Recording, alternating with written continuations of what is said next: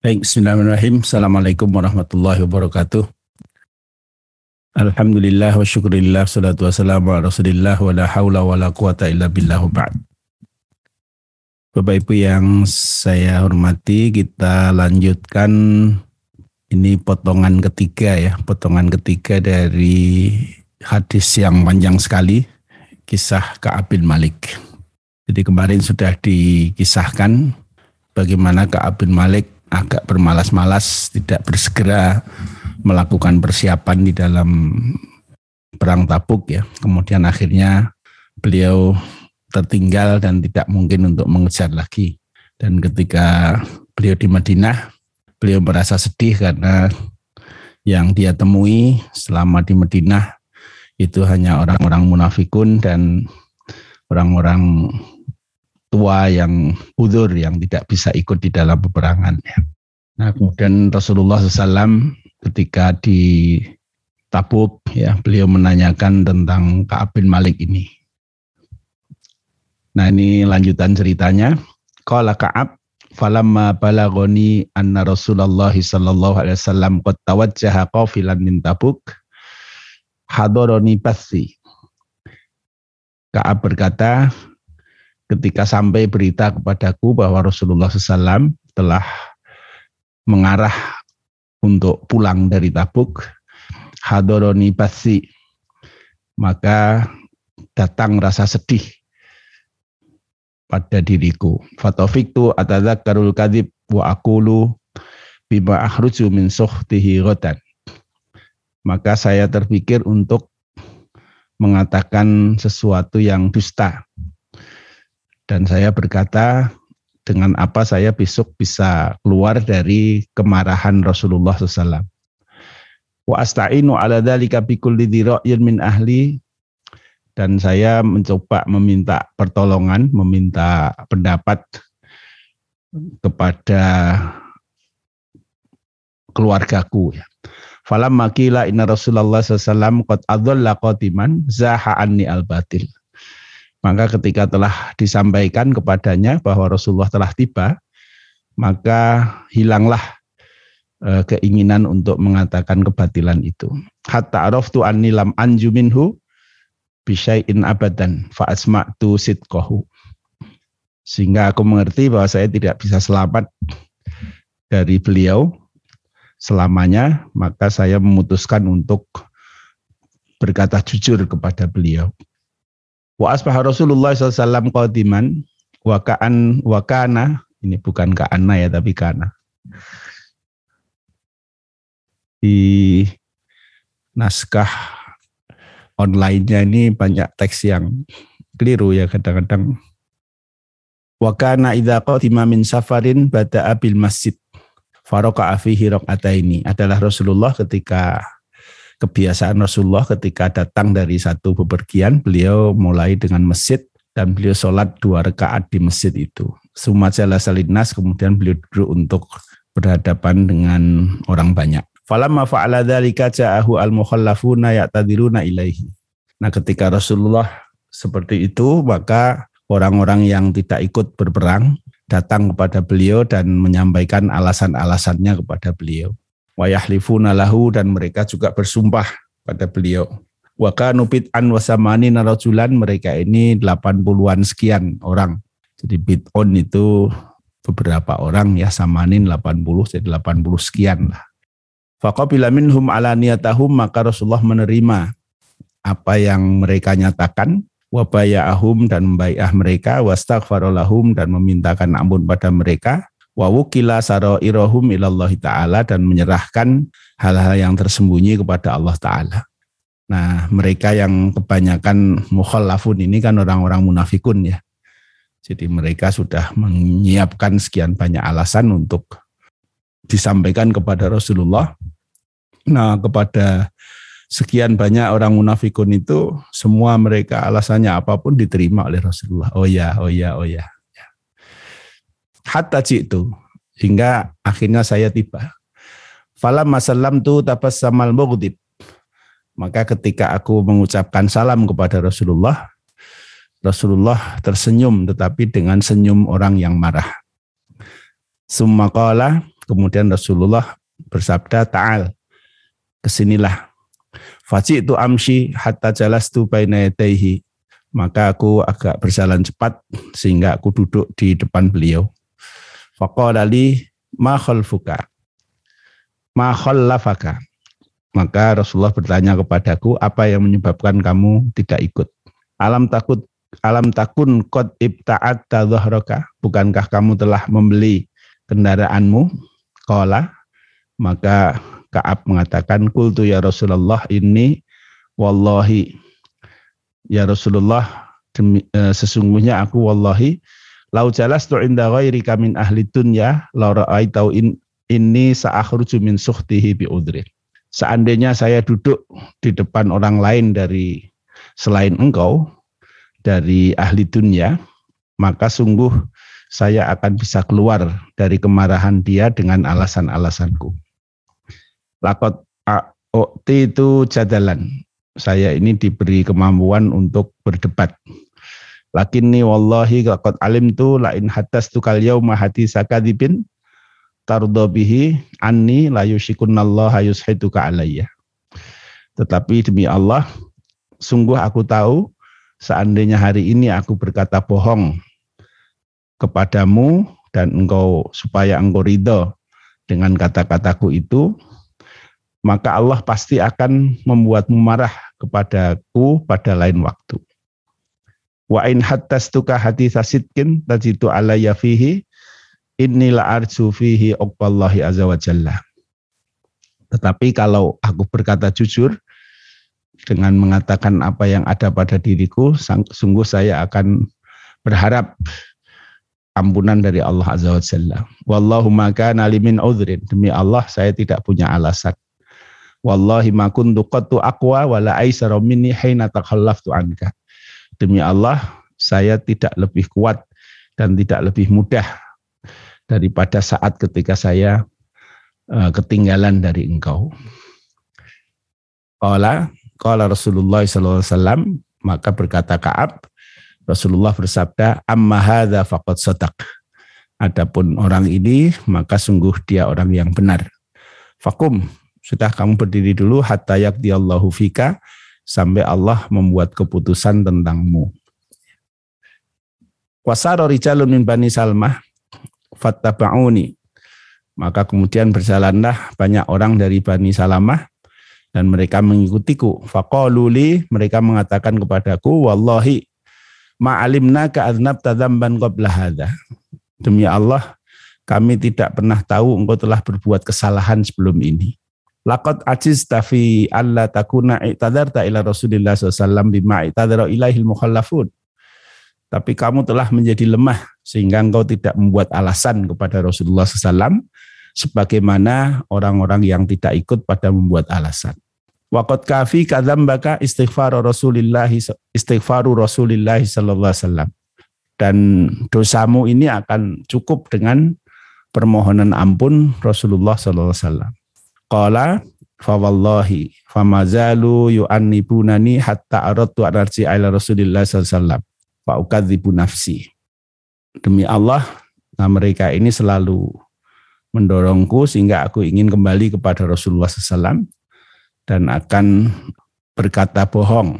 Summa lahum, kemudian aku berkata kepada mereka, Hal lakiya hadha ma'yamin ahadin, apakah terjadi sepertiku ini orang yang lain? Qalu na'am, mereka mengatakan iya. Lakiyahu ma'aka rajulani. Qala mislama kulta wa kilalahuma mislama kilalaka.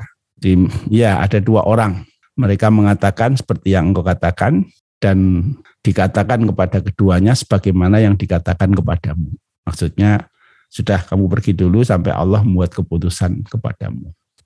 Qala berkata Ka'ab, kultu man huma, siapa duanya? Qalu Murarah bin Ar-Rabi' Al-Umari wa Hilal bin Umayyah Al-Waqifi yaitu Murarah bin Ar-Rabi Al-Umari dan Hilal bin Umayyah Al-Waqifi. Qala fadzakaru li rasulaini qad syahida badron fihima uswatun. Fihima kalau di cetakannya itu li uswatun ya.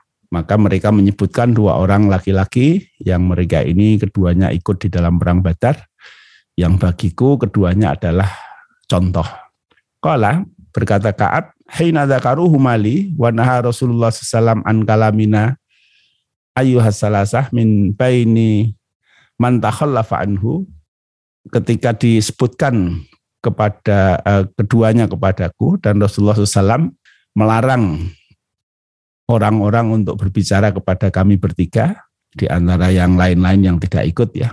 Jadi kalau yang lain-lain tadi yang 80 sekian ini ya tidak ada larangan apa-apa. Sudah diiyakan saja. Tapi yang tiga orang ini Rasulullah punya ketentuan khusus ya. Jadi para sahabat siapa pun tidak boleh berbicara kepada mereka bertiga itu. Qala fastanabnan nasu au qala taghayyarulana. Maka orang-orang pun menjauhi kita atau mereka berubah terhadap kita.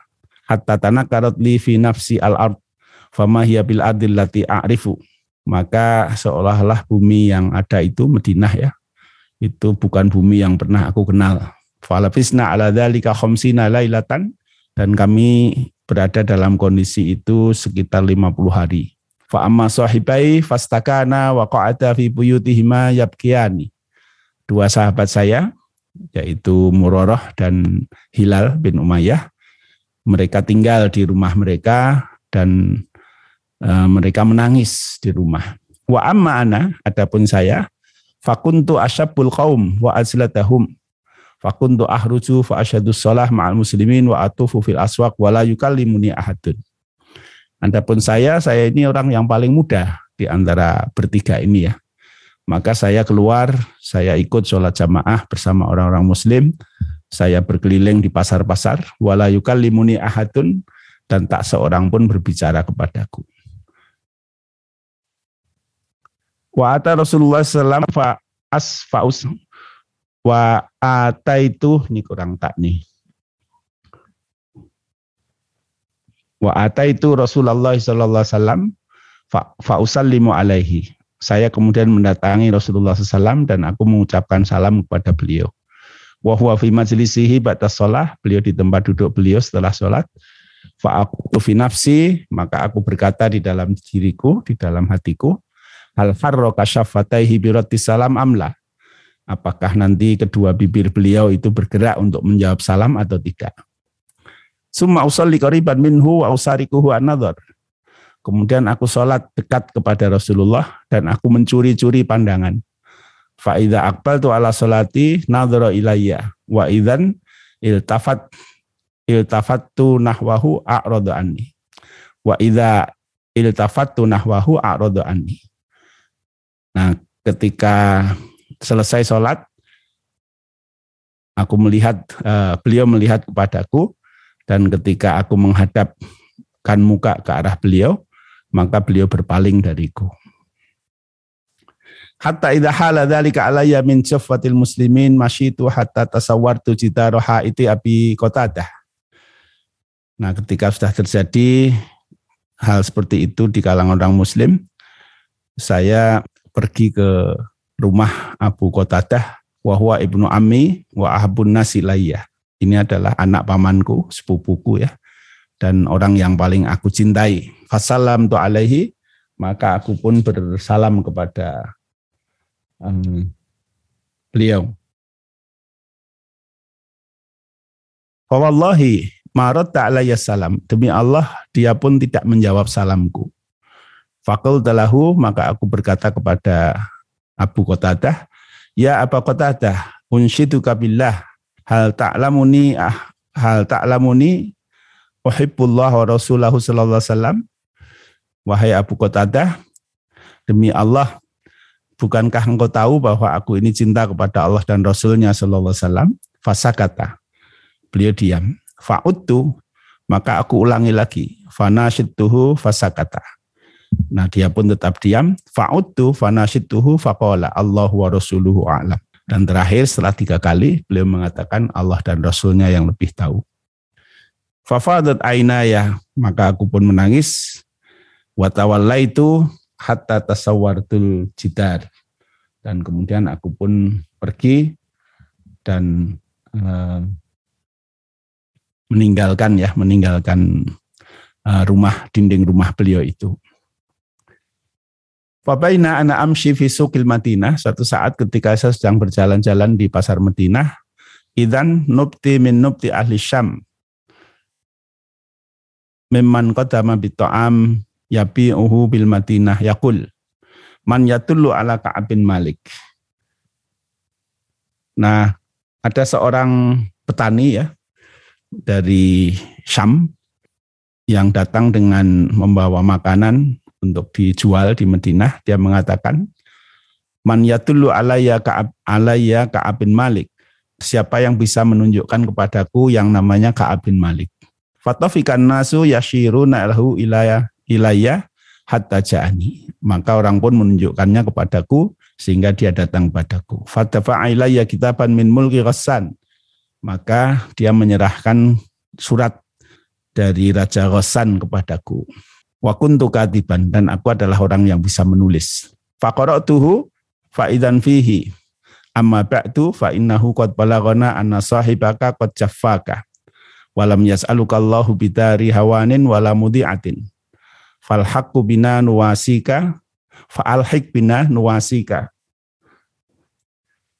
Maka aku membacanya dan di dalam satu dikatakan amma ba'du amma ba'du ya jadi setelah pembukaan itu Sungguh sampai berita ini kepadaku bahwa kawanku telah memboikotku.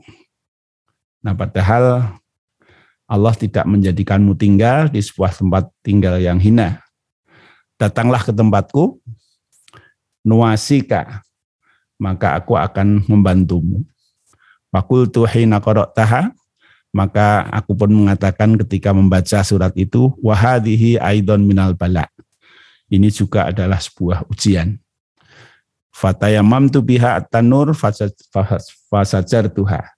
Maka pergilah aku ke tempat api, lalu kubakar surat itu. Nah sekian dulu potongan yang ketiga ini ya. Nah ini sarahnya. Yaqul radhiyallahu anhu innahu lamma balaghu anna nabiyya sallallahu alaihi wasallam raja'a filan mal ghazwi bata'a yufakkiru madza yaqul Rasulullah sallallahu alaihi wasallam idza raja'a. Yuridu ayyatahaddasa bi hadisin wa in kana kadiban min asli ayya'darahun nabi sallallahu alaihi wasallam fihi wa ja'ala yushawiru dawir ra'yi min ahlihi madza yaqul. Jadi setelah mendengar kabar bahwa Rasulullah sudah menuju ke Madinah kembali dari perang Tabuk itu, maka dia pun sudah berpikir apa alasan yang nanti akan dia sampaikan kepada Rasulullah kalau beliau datang. Dia pun minta pendapat kepada kerabat-kerabatnya apa yang harus dia katakan. Faqadima Nabi SAW al-Madinah wa al masjid wa kana min adatihi wa sunnatihi annahu idha qadama baladahu fa awwalu ma yaf'alu ayusalliya fil masjid alaihi salatu. Maka datanglah Nabi di Madinah dan masuk ke dalam masjid dan adalah kebiasaan beliau dan sunnahnya ketika tiba di negerinya, maka yang pertama kali beliau lakukan adalah sholat di masjid. Wahakada am amaro Jabiron radhiyallahu anhu kama saat guru insyaallah. Fatah al masjid wa shalla wa jalasa lin nasi wa ja'ahul mukhallafun alladzina takhallafu min ghairi udrin minal munafikin wa ja'alu yuhallifuna lahu innahum ma'dzurun. Fabaya'ahum wa yastaghfir lahum walakin dzalika la yafituhum wal iyadu billah. Jadi beliau juga memerintahkan Jabir radhiyallahu anhu untuk melakukan itu. Jadi kalau datang dari bepergian itu jujuknya di masjid sholat dulu dua rakaat ya. Nah ini akan diceritakan nanti mungkin di bab yang lain.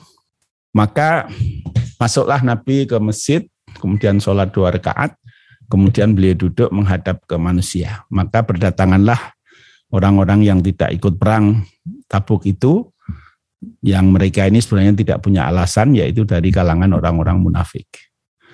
Nah, mereka pun bersumpah bahwa mereka ini punya udur. Maka kemudian eh, Rasulullah pun membaiat mereka, memintakan ampun pada mereka walaupun hal tersebut tidak ada gunanya kepada mereka. Sebagaimana disebut di dalam surat Taubah ayat 80, Istaghfir lahum aula tastaghfir lahum lahum lahum. Jadi apakah engkau memintakan ampun pada mereka atau tidak? Jika engkau memintakan ampun pada mereka 70 kali, maka Allah pun tidak akan pernah mengampuni mereka itu. Jadi ucapan Rasulullah untuk memintakan ampun kepada mereka ini ya Rasulullah sudah tahu bahwa itu tidak ada gunanya, tetapi sebagai sebuah basa-basi di dalam pergaulan ya, Rasulullah lakukan itu walaupun itu uh, tidak ada gunanya bagi mereka. Ya. Nah kenapa? Karena dohirnya mereka ini adalah orang-orang muslim. Nah sehingga perlu di, diperlakukan ya sebagaimana muslim-muslim yang lain. Fayaqulu amma ana fa'azam tu an usaddiqan Nabi alaihi salatu wassalam wa ukhbiruhu bisidqi. Adapun saya kata Ka'ab ya, saya berniat untuk berkata jujur kepada Nabi dan akan memberitahu beliau dengan kejujuran. Fatakhaltul masjidah fasallam tu alaihi fatabassama tabassumal mughdib ay alladhi ghaira radin anni summa qala ta'al falamma tanautu minhu qala li ma khallafaka. Maka kemudian aku masuk masjid dan saya dapati Rasulullah tersenyum dengan senyumnya orang yang marah. Artinya senyum yang menunjukkan beliau tidak ridho terhadapku. Kemudian beliau mengatakan ke sini. Maka setelah aku mendekat, beliau mengatakan apa yang menyebabkan kamu tidak ikut. Faqala radhiyallahu anhu ya Rasulullah ini lam atakhallaf li'udrin wa ma jama'tu rahilataini qabla ghazwati hadhihi. Ya Rasulullah, sungguh saya tidak ikut tanpa ada alasan dan tidaklah pernah aku mengumpulkan dua kendaraan perang sebelum perang ini. Wa ini lau jalastu inda ahadin min muluki dunya la kharastu minhu bi'udri. Demi Allah, seandainya aku duduk di hadapan manusia dari raja-raja dunia, maka sungguh aku bisa keluar dari dia dengan alasan-alasanku. Falakot uti tu jadalan, yakni lau anni jalastu inda syahsin minal muluk, la araftu kaifa atakhallasu minhu. Lianna Allah atoni jadalan. Jadi kalau saya berhadapan dengan penguasa-penguasa dunia, maka saya tahu bagaimana harus membebaskan diri dari kemarahan dia ya karena Allah memberi saya kemampuan untuk uh, berbicara dengan baik. Walakin nila wahati sukal yaum hati santar dobihi anni fayushiku ayun yaskhutallahu alayya fi dhalika. Tapi saya tidak ingin hari ini untuk ber, menyampaikan ucapan-ucapan sekedar untuk engkau ridho kepadaku karena saya khawatir Allah akan marah kepadaku dalam hal itu. Nah, umdur ilal iman. Lihatlah. Di sinilah iman. Qala la yumkinu an uhadditsaka bil kadzib walau haddastu kabil kadzib wa radita anni al yaum fa innahu yushiku ayasfatallahu alayya. Jadi dia mengatakan saya tidak mungkin berkata bohong kepadamu. Kalaulah saya berkata bohong kepadamu ya Rasulullah dan engkau ridho terhadap aku hari ini karena alasan-alasanku itu, maka sesungguhnya Allah pasti akan marah kepadaku. Fa'ah pada Nabi SAW bisidki. Maka dia pun menyampaikan kepada Nabi kejujuran. Wa fi minal fawaid dan di dalam kasus ini ada beberapa faidah ya dari kisah ini. Pertama, annallah subhanahu wa ta'ala qad yamunu 'alal 'abdi fayaqsimuhu minal maksiati idza alima min qalbihi husnun niyah. Jadi Allah taala itu telah memberi nikmat kepada hamba-hambanya sehingga beliau menjaga seseorang dari kemaksiatan ketika beliau tahu bahwa hati orang tersebut adalah baik. Jadi kalau orang yang hatinya baik, niatnya baik, maka Allah akan menjaga dia dari hal-hal yang buruk. Fa inna Ka'aban radhiyallahu anhu limahum ayyazura ala Rasul sallallahu sallallahu dzalika an qalbihi wa azahahu an qalbihi wa azama alla yusaddiqa Nabi sallallahu Jadi lamma hamma ayyazura ala Rasul jadi ketika dia Ka'ab bin Malik ketika dia berniat untuk berbohong kepada Nabi Nah, maka Allah kemudian menunjukkan secara jelas di hatinya dan menghilangkan niat bohong itu dari hatinya. Dan wa azama Allah ayusaddiqan nabi ala ayusaddiqan nabi alaihissalam dan kemudian dia merubah untuk dia berkata jujur kepada Nabi sallallahu alaihi ini adalah bagian dari ismatullah. Jadi penjagaan Allah terhadap orang-orang yang memang baik ya hatinya baik, maka ketika akan berbuat buruk itu Allah pun akan menjaganya sehingga dia akan dikembalikan lagi kepada hal yang baik. Sanyan, annahu yang insan idza qatima baladahu ayak mata ilal masjid qabla ayat khula ila baitihi. Fayusalli fi raqataini li anna hadha sunnatun nabi sallallahu wasallam al qawliyah wal fi'liyah ketika seseorang pulang ke negerinya hendaklah dia masuk masjid sebelum masuk rumahnya kemudian sholat dua rakaat. Karena ini adalah sunnah Nabi alaihissalam baik sunnah qawliyah maupun sunnah fi'liyah.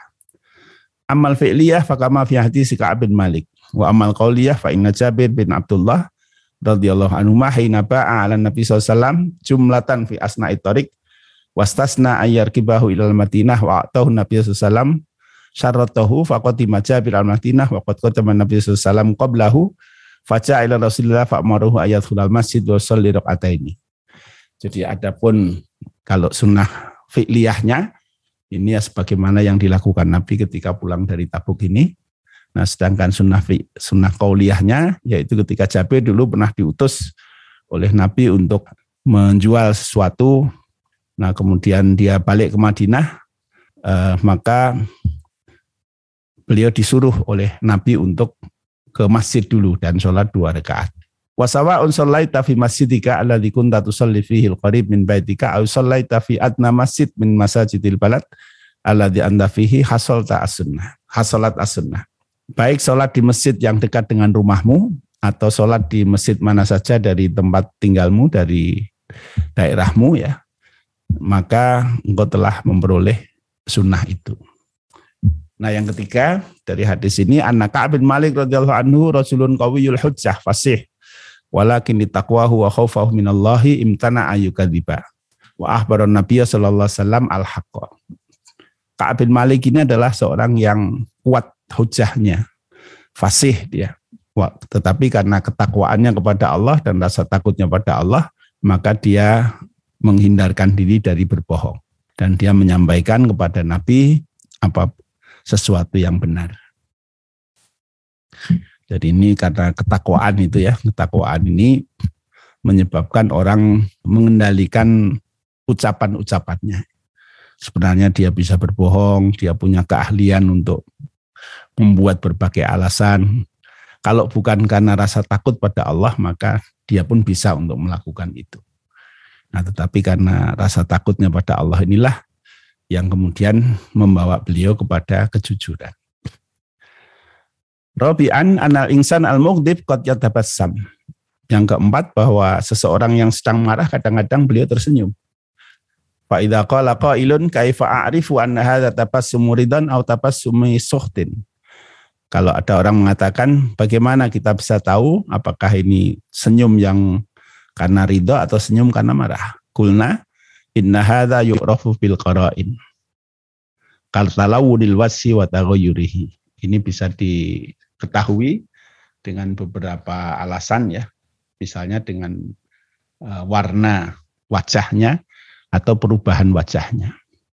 Fal insanu ya'rif anna hadzal rajul tabassama ridan bima sana'a au tabassama suhtan alaihi. Maka dengan melihat keadaan wajahnya itu seseorang bisa melihat apakah orang itu tersenyum karena ridho dengan apa yang dia lakukan ataukah dia tersenyum karena marah kepadanya. Khomisan annahu yajuzu lil insan ayusallima qa'iman ala qa'id dari cerita tadi juga bisa diambil pelajaran yang kelima bahwa boleh seseorang itu mengucapkan salam dalam keadaan berdiri kepada orang yang sedang duduk. Nabi duduk, Ka'ab waktu itu masih berdiri. Di anna Ka'ban sallama wa huwa qa'imun faqala Nabi sallam ta'al. Karena Ka'ab saat itu mengucapkan salam dalam keadaan beliau berdiri. Nah, dan Nabi kemudian memanggil beliau kemari. Nah, yang keenam, annal kalam an kurbin ablagu minal kalam an bu'tin. Berbicara dari jarak dekat itu jauh lebih baik daripada berbicara dari jarak jauh. Fa innahu kana bi imkanir Rasul sallallahu ayyuka lima Ka'ab bin Malik walau kana ba'idan anhu lakinnahu amarahu ayyadnu minhu. Walaupun Nabi memungkinkan untuk bicara dari, dari jarak yang jauh kepada Ka'ab bin Malik, tetapi Nabi menyuruh Ka'ab bin Malik untuk mendekat. Di anna hadza ablagha fil ahdi war raddi wal mu'atabah. Karena ini akan lebih jelas ya, baik di dalam mendengar maupun di dalam menjawab. Falidzalika qala Rasul sallam adni maka Nabi mengatakan mendekatlah. Sabian kamalu yakini Ka'ab bin Malik radhiyallahu anhu haitsu annahu qala annani astati an akhruja bi udrin min Rasulullah sallallahu alaihi wasallam walakin la yumkinu an akhruja minhu bi udrin yu'dhiruni fihi al-yawm thumma yaghdabullahu ala alayya fihi ghatan. Jadi Ka'ab memiliki sebuah keyakinan beliau mengatakan sesungguhnya saya bisa untuk keluar dari kemarahan Rasul dengan membuat alasan-alasan tetapi saya tidak bisa keluar dari alas, dengan alasan-alasan itu terhadap kemarahan Allah besok hari ya. Jadi ini ini tadi ya, jadi rasa pengawasan Allah, rasa keimanannya kepada Allah itulah yang membuat seseorang bersikap uh, jujur. Saminan Inna Allah ya'lamu sirra wa akhfa fa inna ka'ban khawfa yasma Allahu qawlahu wa muhawiratahu li Rasulullah sallallahu alaihi wasallam fayanzilullahu fi Qur'anan kama anzala fi qissatil mar'ah al-mujadalah allati ja'at ila Rasul alaihi wasallam tashku zaujaha hina dhahara minha. Fa anzalallahu fi ayatun mal Qur'an qad sami Allah qala allati tujadiluka fi zawjiha wa tashtaki ila Allah wallahu yasma'u tahawurakuma innallaha samiun basir. Al-mujadilah ayat 1 Sesungguhnya Kaab itu takut kalau Allah mendengar ucapan dia dan diskusi dia kepada Rasul SAW sehingga nanti Allah akan menurunkan ayat Quran. Sebagaimana ada seorang wanita yang mengadukan suaminya kepada Rasulullah SAW ketika suaminya itu melakukan sumpah zihar kepada wanita itu. Maka ucapan wanita kepada Rasul itu kemudian menyebabkan turunnya ayat Quran surat Al-Mujadilah. Qad Allahu qala tujadil fi zawjiha wa tashtaki ilallah dan seterusnya. Nah, ini Kaab takut ya kalau kalau saja dia berbohong kepada Nabi kemudian akhirnya Allah menurunkan ayat ya. Ini malu sekali karena itu akan menjadi sesuatu yang dibaca oleh umat sampai akhir zaman ya. Jadi akan menjadi sebuah catatan yang sangat buruk kepada beliau. Yaqulu Ka'ab innahu ati ila ar-rasul sallallahu wa saddaqahu al-qaul wa akhbarahu annahu la udra lahu la fi batanihi wa la fi malihi. Beliau datang pada Rasul dan berkata jujur kepada beliau dan menyampaikan bahwa beliau tidak punya udur baik secara fisik maupun secara harta. Bal innahu lam yasma' rahilataini fi ghazwatin qabla hadhi. Bahkan beliau belum pernah memiliki dua kendaraan perang sebelum perang ini. Artinya sebenarnya sudah siap ya. Waqala Nabi SAW amma hadha faqad sadaq. Maka Nabi kemudian mengatakan adapun ini maka sungguh dia orang yang benar, orang yang jujur. Nah, artinya apa? Artinya 80 sekian orang sebelumnya yang diiyakan Nabi tadi, Nabi tahu mereka ini bohong. Wa yakfilahu fakhran an wasafahu an Nabi alaihi salatu wasalam bisidki. Jadi cukuplah baginya kebanggaan ketika Nabi menyebut dia sebagai orang yang jujur. Amma hadza faqad sadaq. Fadhhab hatta yaqdiyallahu fika masya. Sudah pergilah kamu sampai Allah memutuskan keputusan kepadamu sesuai dengan kehendak Allah. Fadhahab ar-rajul mustasliman li amrillahi azza wa jalla mu'minan billahi wa annahu masya Allahu kana wa ma lam yasha lam yakun. Maka pergilah orang ini, Ka'ab bin Malik ya, dengan rasa tunduk kepada perintah Allah Azza wa Jalla dan beriman kepada Allah. Dan sesungguhnya apa yang Allah kehendaki akan terjadi dan yang tidak Allah kehendaki tidak akan terjadi. Falahikahu qaumun min Bani Salamah min qaumihi wa ja'alu yazinuna lahu ayarji'a an ikrarihi. Maka kemudian dia bertemu dengan banyak orang dari Bani Salamah, dari kaumnya ya, dan mereka itu e, meminta dia untuk mencabut pernyataannya. Wa lahu dan mereka berkata kepada Ka'ab bin Malik, "Inna kalam tudnab dzamban qabla hadza." Kamu belum pernah berdosa membuat kesalahan sebelum ini. Yakni mimma tahallaf tapi an Rasulullah SAW wa yakfika yastal an an satu laka Rasulullah SAW. Wa idza astaghfara laka Rasul wasallam ghafarallahu laka. Farji kadzib nafsak qala ini ma'dzurun.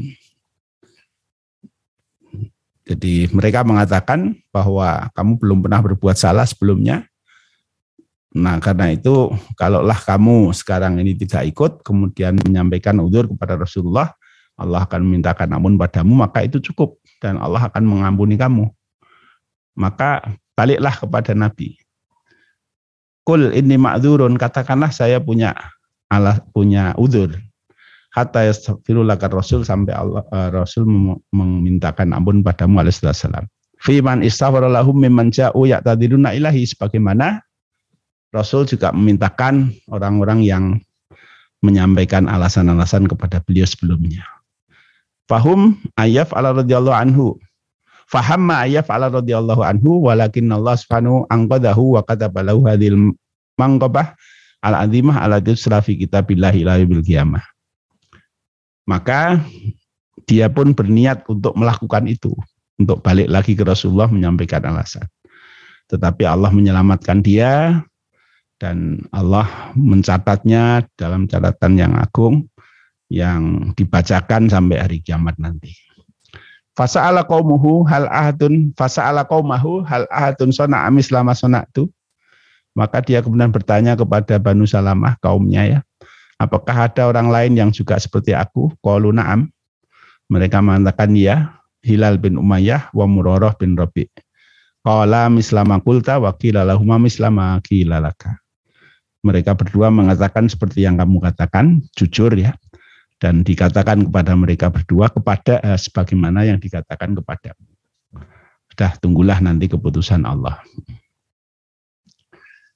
Yaqulu Fadzakaruli rajulaini solihaini syuhada badran li fihima uswatun maka mereka ceritakan eh, sebutkan dua orang solih dua-duanya adalah orang yang ikut di perang Badar yang keduanya adalah contoh bagiku Akyanan, ahyanan, yuqayyidullahu lil insan ma yas'aluhu yata'asyar iktidaan bi ghairihi wa ta'asyan bihi. Jadi kadang-kadang Allah itu menjadikan kepada kita uh, melihat uh, orang lain yang menjadikan kita menjadi meninggalkan keburukan ya karena kita mencontoh orang lain.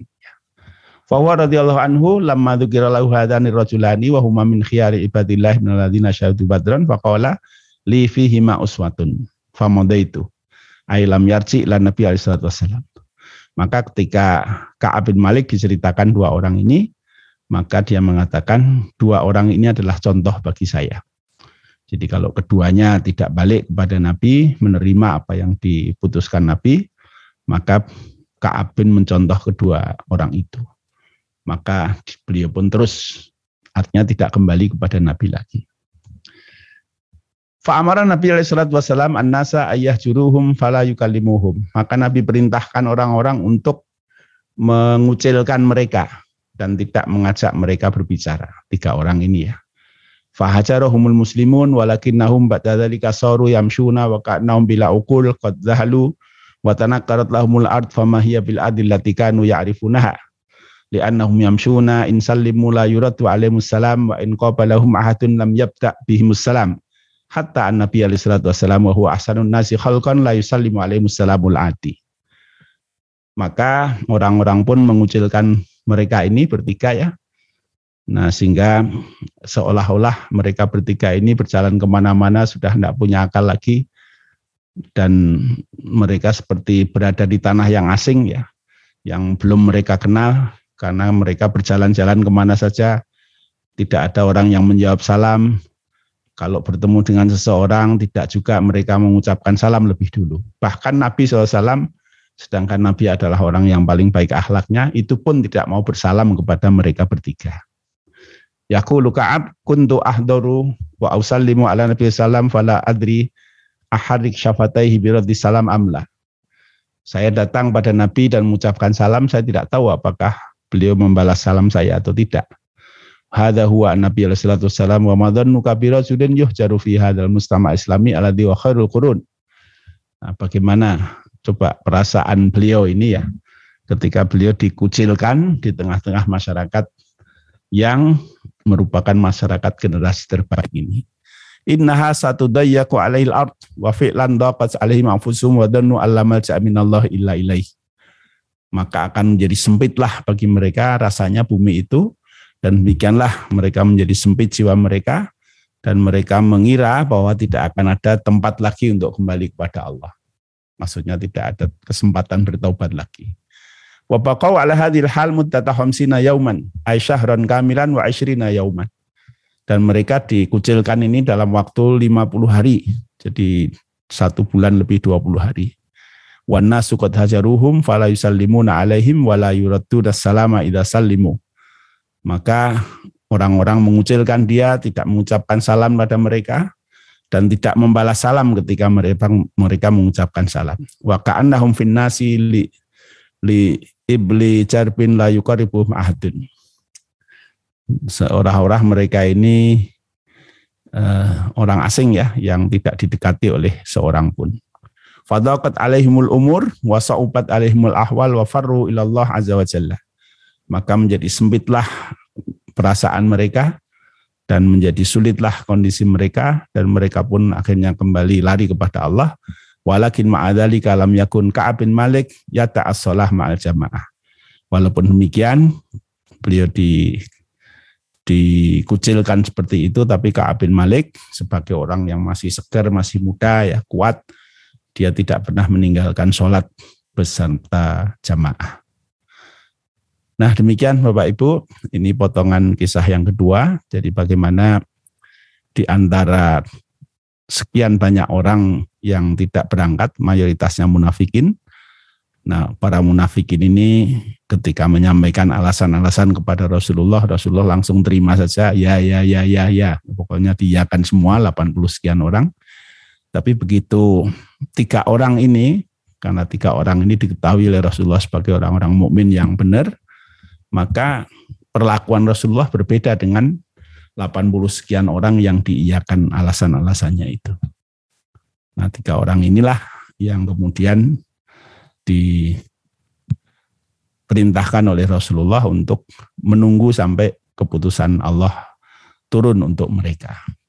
Nah, selama menunggu keputusan Allah itu, mereka ini diputuskan untuk diasingkan, dikucilkan, ya. Tidak seorang pun dari para sahabat termasuk Rasulullah sendiri yang boleh berbicara kepada dia. Nah sehingga ketika mereka bertiga ini mengucap salam tidak ada yang mau jawab ya. Ketika bertemu orang juga tidak ada yang mau mengucap salam lebih dulu. Jadi ini betul-betul suatu hal yang sangat berat pada mereka ini. Nah dua sahabatnya Kaab ya itu jadi Bilal dan Hilal dan siapa tadi yang satunya? Uh, mereka hanya menangis ya di rumah mereka karena mereka ini sudah lebih tua ya tidak pergi ke mana-mana. Nah sebaliknya kalau Ka'ab bin Malik ini masih muda masih sehat kuat. Nah sehingga walaupun dikucilkan begitu beliau tetap pergi ke masjid untuk jamaah sholat ya kemudian dia juga ke pasar dan lain-lain ya walaupun eh, tentu dengan perasaan yang sangat berat sekali karena di mana-mana orang tidak mau ngomong sama beliau ini. Nah demikian penggalan kisah yang ketiga untuk insya Allah nanti kita lanjutkan pada penggalan berikutnya. Bila itu Assalamualaikum warahmatullahi wabarakatuh.